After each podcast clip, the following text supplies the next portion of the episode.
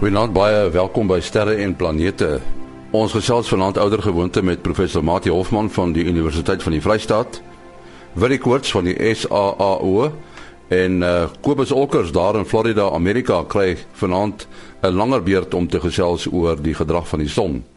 Maar voor dit, ruimte nuus wat geskryf is deur Herman Torin in Bloemfontein. Die oseaan onder Titan, 'n man van Saturnus, is waarskynlik net so sout soos die dooie see. Wetenskaplikes wat data van die Cassini verbyvlugte ontleed het, het tot die gevolgtrekking gekom dat die swaartekrag van Titan net verklaar kan word as die oseaan vol soutte is. Dit lyk ook of die yslaag bo oor die oseaan besig is om te kristalliseer, wat dit moeiliker sal maak vir die oseaan om metaangas aan die atmosfeer vry te stel. Die wetenskaplikes meen dat hierdie gasuitlate baie geïsoleerd moet wees, maar baie moeilik met verbyvlugte van Cassini opgespoor kan word. Titan het so wat 5% metaan in sy atmosfeer, wat beteken dit moet periodiek aangevul word. Die SKA nooi Suid-Afrikaners om aansoek te doen vir voorgraadse en nagraadse studiebeurse. Verder nooi die SKA mense wat reeds oor doktorsgrade beskik om aansoek te doen vir postdoktorale genootskappe. Die sluitingsdatum vir beurse is 15 Augustus en vir genootskappe 5 September. Besoek gerus die SKA se webwerf by www.ska.ac.za. www.ska.ac.za vir meer besonderhede. Die son se naaste planeet Mercurius was moontlik voorheen veel groter, maar is lank gelede deur 'n tref en trap ongeluk deur 'n planeet min of meer so groot soos die aarde van die grootste deel van sy mantel gestroop. Mercurius se ysterkern bevat sowat 60% van Mercurius se massa, teen die 30% wat die aarde, Venus en Mars se kerne uitmaak. Hierdie gevolgtrekking is gemaak na twee wetenskaplikes verskeie rekenaarmodelle op die proef gestel het. Dit laat egter steeds baie vrae, soos waarheen die hemelliggaam wat met die proto-Mercurius gebots het, verkas het. Tot sover ruimte nuus wat geskryf is deur Herman Turin. Ons uh, gaan vanaand uh, 'n bietjie konsentreer op die gedrag van die son omdat Kobus Olkers uh, by ons is. Nou Kobus, jy het uh, jy het 'n interessante vraag uh, gehad en dit gaan oor uh, die ding van uh, hoe weet julle al die dinge wat gebeur met die son, uh watter metodes gebruik julle om uit te vind wat die son gaan doen? Ja, nee, dit was 'n baie goeie vraag wat 'n luisteraar vir ons gestuur het. Ehm um, en hy het hopelik 'n baie interessante antwoord ook. Uh jy weet in die ou dae het ons maar was die enigste moontlikheid vir ons om nou, om om die son mee te besigtig was maar met 'n teleskoop met baie spesiale filters op. 'n Mens kry hierdie waterstof alfa filters en jy kry uh, ja, natrium filters en so aan wat jy nou verskillende golflengtes kan sien maar maar van dit ons die satelliete begin kry hier in die vroeë 90s wat die wat die eerstes ehm um, gelanseer is kan ons nou in verre ultraviolet kyk na die son wat vir ons baie meer inligting gee oor die uh, karakteristikke van die van die korona en van vakkels en die soort van dinge. En met ons moderne ruimtetuie wat ons nou het soos die SOHO en SDO uh, satelliete is dit eintlik ongelooflike hoeveelheid inligting wat ons kan kry. Ons kyk in ons so iets soos as ek reg onthou 9 9 nee, 11 11 verskillende golflengtes kyk ons na die son. En hierdie golflengtes is nou almal in die X-straalband wat vir ons verskriklik baie inligting gee uh, oor ons kan in detail kyk hoe lyk die granulasie op die son. Ons kan ons kyk natuurlik in witlig ook maar uh, daar sien mense eintlik maar net mooi prentjies maar ons kry ongelooflike inligting by van SDO af by byvoorbeeld die uh, 304 angstrom golflengte en by, by waar ons goed soos koronagate en vakkels en die so, so mee kan sien. Dan by 195 angstrom wat 'n bietjie 'n korter golflengte is wat al redelik harde ekstrale begin raak kan ons uh dinge sien uh soos uh die magnetiese eienskappe op die son en ons moet kyk ons in, uh op nog meer uh maniere na die son waar ons die magneetveld kan kan sien waar ons fisies kan sien waar 'n noord en 'n suidpool geïsoleerd op die son sit en hoe hulle daar sit. En dit is hoe ons byvoorbeeld nou hierdie week kan sien uh tussen hakies as as uh, mense wil kyk en hulle het 'n 'n sonfilter om, om meer na die son te kyk, moet net asseblief nooit ooit met 'n donker bril of so iets probeer nie. Ek het gevind dat 'n 'n swyshelm helm werk nogal goed as 'n mens een het. Uh gaan mense vreeslike klomp kolle op die son sien. Die son is verskriklik besig op die oomblik. Dit is natuurlik nou in wit lig. Nou hierdie satelliete sit op baie interessante plek die ding moet nou heeltyd vir die son kyk. Hy sit op 'n op 'n op 'n sekere punt wat ons die L1 punt noem. Dis die Lagrange punt, nee. Ja. Es skiet tog ja, dis die eerste Lagrange punt. En daar's 'n paar van hierdie Lagrange punte, maar hierdie een is nou die lekkerste vir ons en die satelliet sit daar om dit eenvoudig te stel net waar die aarde en die son se gravitasies mekaar uitkanselleer. So hy sit daar op 'n punt en hy wentel om hierdie om hierdie punt wat eintlik wat nie dis, nie iets wat bestaan nie maar ehm um, hy wentel in, in ons noem dit 'n halo orbit. So hy sit daar in 'n sirkeltjie en maak en hy kan heeltyd na die son sit en kyk 24 ure 'n dag. En in die proses beweeg hy dan saam met die aarde rondom die son soos wat die jaar aangaan. Ja, hierdie satelliete sit daar die SDO en die soort van oudjies dan het ons nog twee satelliete, wonderlike satelliete wat in 1993 gelanseer is, as ek reg onthou. Dis die stereo, stereo A en B satelliete. Dit is twee satelliete wat feeslik oulik gelanseer is. Die een, hulle is in amper dieselfde wentelbaan om die son as wat die as wat die aarde is. Die enetjie is net so klein bietjie nader aan die son. So hy hardloop nou as as 'n ding mos nou in 'n laer wentelbaan is, dan hardloop hy so bietjie vinniger as as as die aarde en as hy nou en die enetjie wat aan die agterkant verder van die son weg is in die aarde, hy loop nou 'n bietjie stadiger. En die twee het dan nou so oor die afgelope klomp jare so stadig rondom die son gekruip sodat ons nou reg rondom die son kon sien. Dis hoekom ek elke week vir ons kon sê dat ek sien goed aan die kom op die agterkant van die son en en die soort van ding. Ons het nou ongelukkige probleme met die goed want hulle is nou albei presies reg agter die son. Hulle sal daar wees binne die volgende paar maande. En ons kan natuurlik hulle dan nie raak sien nie want die die uh radiokrag wat van hulle af kom is heeltemal uh, te flou om om met die son te kompeteer. So ons gaan vir 'n paar maande tot so omtrent Maart 2015 gaan ons 'n bietjie afwesigheid hê van hierdie ouetjies wat 'n uh, bietjie lastig gaan wees, maar nou ja, dan kan ons maar weer terugval op ons berekeninge wat ons vroeër gedoen het. Moet moet jy die hele tyd sit en kyk na hierdie skerms of hoe werk dit presies? Jy is skedule. Ek, Ek het skerms wat wat dag en nag loop 24 ure 'n dag.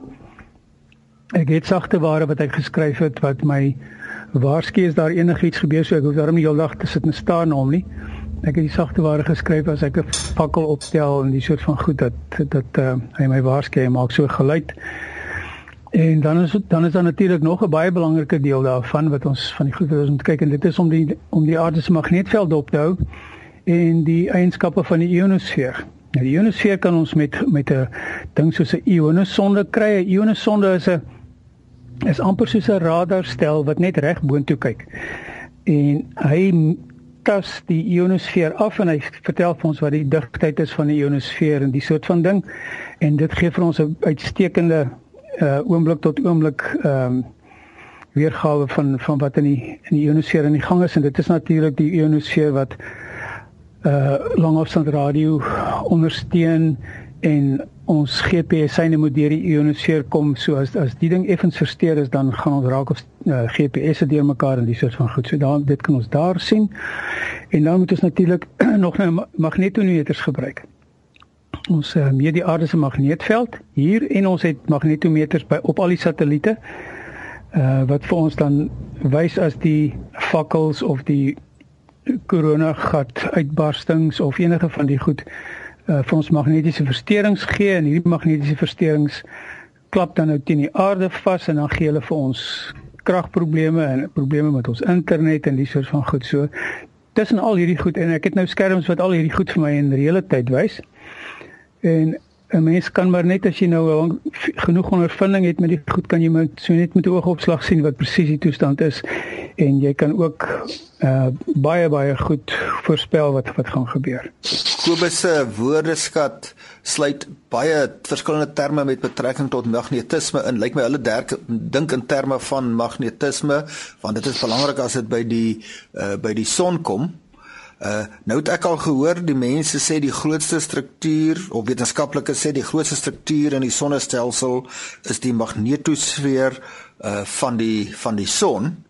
Uh nou probeer ek vir my voorstel, ek's nou ook 'n fisikus, 'n mens probeer jou baie onsigbare dinge voorstel, nee. Nou dink ons aan die ruimte buite die aarde, verder weg in die planete in. Mens probeer voor jou voorstel wat daar is.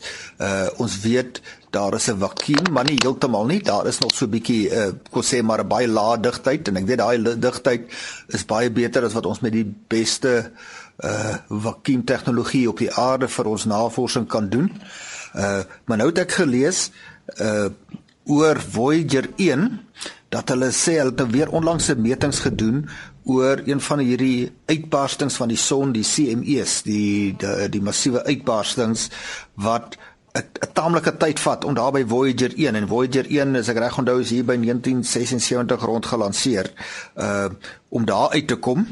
Uh en hulle kon nou aflei uit bepaalde metings wat met Voyager 1 gedoen het dat hy inderdaad in Augustus 2012 die sonnestelsel verlaat het vir interstellêre ruimte. Uh nou aan die een kant, as jy nou nou binne die grens is wat nou nog nie interstellêre ruimte is nie, dan oorheers die invloed van die son. Maar as jy nou buite is, dan is dit nou nie meer die geval nie. Maar dit lyk nou vir my so bietjie na dis 'n moeilike konsep om vir ons te te, te visualiseer. Daar's nie 'n skerp grens nie. Uh kan jy dalk 'n bietjie meer lig daarop werp? Wat verander nou presies as jy nou oorgaan van die gebied waar die son domineer na interstellêre ruimte? Kom ons probeer eers vir ons hierdie magneto uh magnetosfeer visualiseer. Kom ons begin by die aarde en dan werk ons van daar van daar af op na die son toe.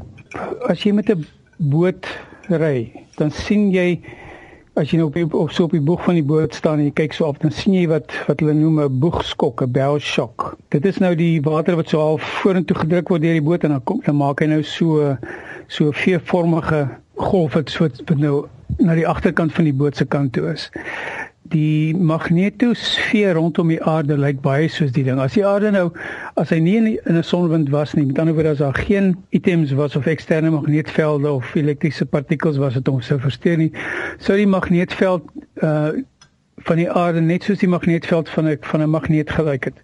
Jy sit as as jy nou jou magneet vat en jy, jy strooi vir jou klomp ysterspieëls om om jou hom oor die tafel, dan sien jy nou hierdie hierdie die uh, magneetlyne wat so rondom die mooi simmetries, mooi simmetries daar. Pragtig mooi simmetries, ja. ja. Nou, die aarde staan nou met die dwarskant van die magneet na die son se kant toe. Met ander woorde, aan by die pole van die aarde kom hierdie kom hierdie uh, veldlyne in en hulle kom so bymekaar by die sê maar by die noordpool en by die suidpool en aan die kante van die magneet wat nou loodreg op die magneet is is nou die die ewenaar van die aarde en hy kyk nou na die son se kant toe. So dit is hoe dit sou gelyk het as die as daar geen interplanetêre eh, sonwind was nie. Nou kan 'n mens ehm um, jouself visualiseer as asof dit nou die dwarskant van die magneet is nou is nou lood is is nou die die voorkant van die van die boeg van 'n skip. En die sonwind kom nou soos die water aan van voor af aan en hy word deur die magneetveld van die aarde word hy nou eenkant toe gedruk. Nou wat gebeur is omdat die sonwind, ek gaan nie nou in die fisika daarvan ingaan nie, eh, druk uitoefen op die op die sonkant van die aarde se magneetveld, druk hy die hele magneetveld baie nader aan die aarde. Hy pers die die veldlyne saam en aan die agterkant van die van die uh, aarde word hierdie magneetvelde word nou kan verder van mekaar af en en en heel ver van die aarde af breek hulle eintlik op. En jy was reg in in ons in ons sonnestelsel is die aarde se magneetveld die heel grootste struktuur. Hy is baie baie baie groot. Jy praat jy nou van die aarde se of die son se? Die aarde se, die aarde se. Oh. Ek praat nie eers van die aarde se, hy's baie groot. So en soos wat die sonwind nou waai op die op die kant dan dan beweeg hierdie goed nou so in en uit. Kom ons vat nou in ons kop dieselfde struktuur maar nou baie groter. Die son het dieselfde tipe van van eienskap. Hy het ook 'n noordpool en 'n suidpool. Sy noordpool en suidpool uh wissel elke 11 jaar as hy is het hy 'n ander koers. Die kyk ook nou uit na die interplanetêre inter, interstelle interstellêre wind wat van die buitenste ruim af kom. Presies dieselfde ding, die son het hierdie verskriklike massiewe groot uh magneetveld rondom hom. Aan sy voorkant word die magneetlyne saamgepers. Want onthou net, die son ons son en ons en ons sonnestelsel is besig om teen 'n groot spoed deur die deur die heelal te beweeg. Dit is asof die die wind van van die van die buitenste sterre af kom eintlik teen 'n supersoniese spoed by die by die son se magnetopousa net soos wat die son se wind supersonies is by die aarde dis hoekom ons 'n boogskok kry. Kry ons dieselfde by die son. Hierdie goed word saamgedruk en dan kry jy nou as 'n mens nou 'n uh, probe sou sou stuur om nou te, te gaan kyk wat aan die gang is dan kan jy dan kan jy hierdie goed baie goed waarneem Eerstens weet ons ken ons die wiskunde van magneetvelde, magnetopouses en die soort van goed baie goed. So ons kan voor die tyd voorspel wat is die digtheid, wat moet die digtheid van die van die interplanetêre uh, partikels wees weg van die son af en ons weet ook hoe hy moet karakteriseer as hy nou by 'n ander magneetveld aansluit wat nou van die buitenste ruim afkom. Wat Voyager nou vir ons gedoen het, is hy het vir ons bevestig nommer 1 dat ons wiskunde werk. Want soos wat ons voorspel het, hoe die digtheid van die van die interplanetêre uh partikels moet moet moet toeneem, hoe die rigting van die magneetveld moet verander, hoe die met dit die die die die komposisie daarvan verander, het dit letterlik tot op die laaste desimaal uitgewerk soos wat soos wat Voyager nou deur die son gegaan het en hy het 'n paar sensors opgehad, hy het na die magneetveld gekyk in drie dimensies. Hy het gekyk na digtheid en hy het gekyk na na na sonwind of na windspoed, partikelspoed in die buitenste ruim. So daai instrumente wat hulle in die 1970s daar opgesit het, doen nou nog sulke fyn metings. Absoluut. Mense mense lag vir hierdie goed wat 'n miljoen dollars vir 'n vir 'n klein koppie vol goed kos, maar ek sê vir jou sê, dit was die moeite werd geweest want hier hier is ons nou 40 jaar later en hy meet nog presies tot tot op tot op die 7de desimaal akkuraat. Goed, wil jy 'n vraag? Ja, ek wil net gehoor die die iosonde die die um een van die instrumente wat jy nou nog van gepraat het. Um ek weet toevallig my baas was uh toe hy uit 'n weer eens een keer uh vir die jaar Antarktika toe gegaan en Antarktika uh dit dis dis die instrument wat hy daai tyd uh voor verantwoordelik was. Gebruik julle vandag nog? Ek meen soos jy nou gesê het, daar is nou allerlei satelliete en so wat nou deesdae vir jou die inligting gee. Ons kyk natuurlik nou van van bo af eerder as van onder af en so aan en jy jy gesê dat ons nou moet terugval as terwyl die twee sou satelliete nou agter die son is. Um so uh, gebruik julle vandag nog uh, uh, die die die die sonde uh, instrumente en lesings van die aarde af en tweedens uh, was die poolstreke dan 'n spesifieke goeie plek om dit vanaf te doen of uh, kan jy dit maar op enige ander plek van die aarde af ook doen? Die antwoord daar is vir die ehm um, ons wil dit eintlik van elk so elke paar meter bo kan bo kan die aarde doen. Maar dit kan 'n mens ongelukkig nie doen nie. En die poolstreke is is is 'n is 'n is 'n baie belangrike plek om so ding te staan te, te maak staan want uh, soos ons nou net nou gesê die die aarde se magneetlyne kom by mekaar op die pole en hierdie magneetlyne wat so by mekaar kom maak maak 'n groot verskil aan 'n klomp goed. Een van die van die van die goed waaraan dit die grootste verskil maak byvoorbeeld is die magneetlyne wat by mekaar kom en die in die sonpartikels wat nou van die sonwind af inkom. Met die met die lyne vloei hulle nou af dis gelaaide partikels.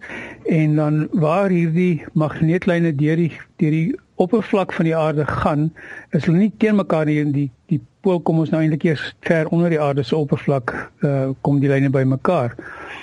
So hy maak so 'n ovaalvormige uh patroon op die uh by die poolstreke en ons noem hierdie hierdie ovaalvormige vorms noem ons die uh aurora ovale.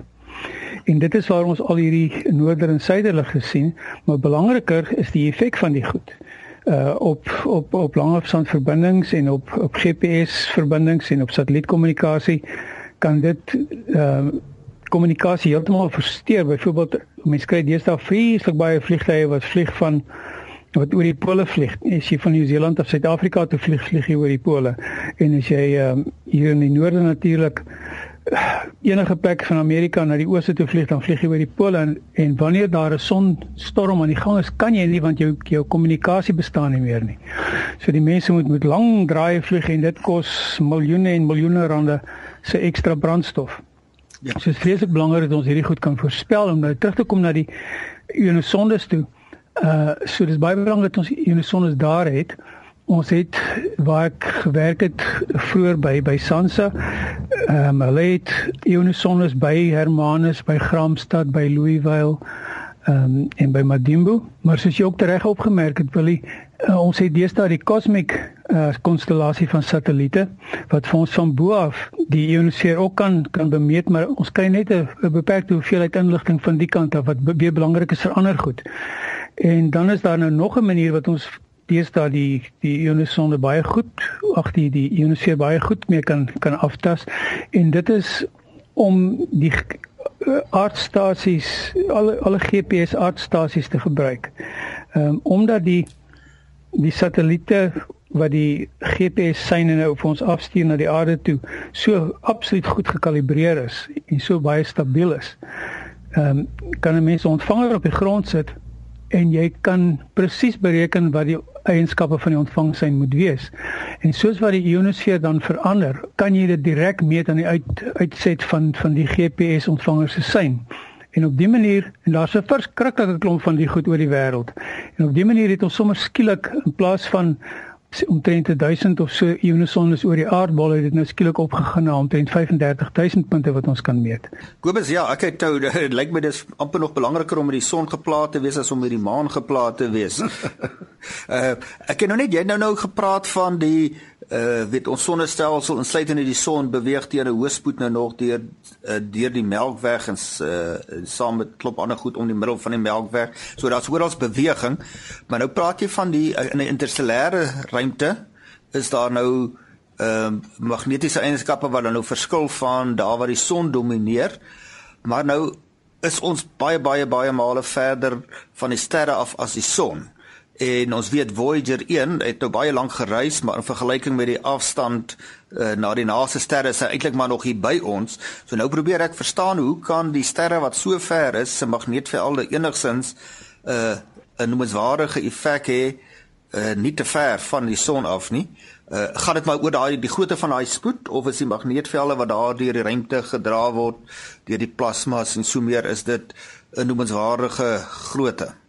Ja, die die magneetveld wat by die son uitkom van die inter, inter uh, van die ander eh, sterre af uh en gaswolke en so aan af is is die presies die hy word presies op dieselfde manier oorgedra as wat die son sy magneetveld aan die aarde oordra. Ons tel nie eintlik die son se se se eie magneetveld op nie die ons kry die die son se magneetveld wat saam met die plasma wat van die son af uitgeskiet word word dit gedra na die aarde toe.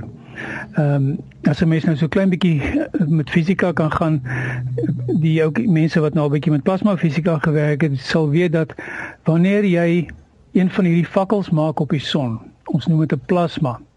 Wanneer jy 'n magneetveld in 'n plasma opstel, die oomblik as jy as die as die plasma losbreek van die bron van die plasma met, met ander woorde wanneer hierdie fakkel of die korona massa massa uitbarsting die CME wat jy net oor van gepraat het. As hy losbreek van die son of dan gryp dan dan is dan word hy soos 'n permanente magneet. Hy neem presies dieselfde magnetiese eienskappe aan as die area op die son of of of, of op watter bron ook al die wat die magneetveld in hom gemaak het. Dan word hy 'n magneet uh, uh, magneet en hy kom dan in die geval van die son wat nou baie naby aan die aarde is kry ons is dit jy kopseer want hierdie goed breek nie net mooi los en dan kom hy soos 'n noord-suid magneet reguit op ons af nie. Hy wen hy kantel en hy en hy draai en hy woel en hy gaan te kere soos wat hy hier na ons toe opkom. Nou, ons ons probleem is om te voorspel ehm um, wat sy magnetiese polarisasie gaan wees teen die tyd wat hy by, by die aarde se magnetopouse aankom.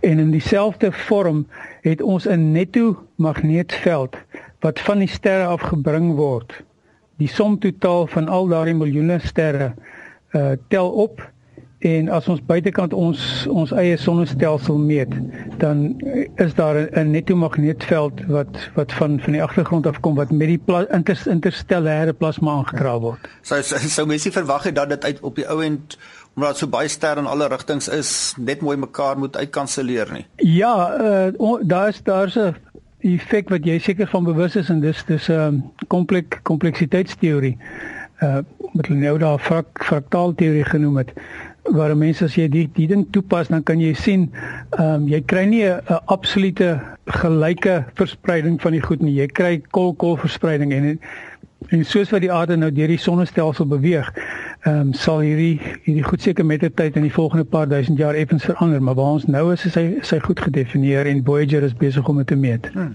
Nou goed ons moet ongelukkig afsluit Kobus as mense met jou in verbinding wil tree Ja, dit is uh kobusolkers@gmail.com. Dis K O B U S O L C K E R S by gmail.com en die luisteraars kan maar vir my stuur en dan so so met die tyd sal ons hulle so behandel en soos dit ons vanaand gesels het in in programme. Willie? 0724579208 0724579208 Uh en die selfoonnommer 083 6257154 0836257154 en ek wil net vir Kobus waarsku ek gaan vir hom 'n e-pos stuur wat 'n magneetveld saamvat.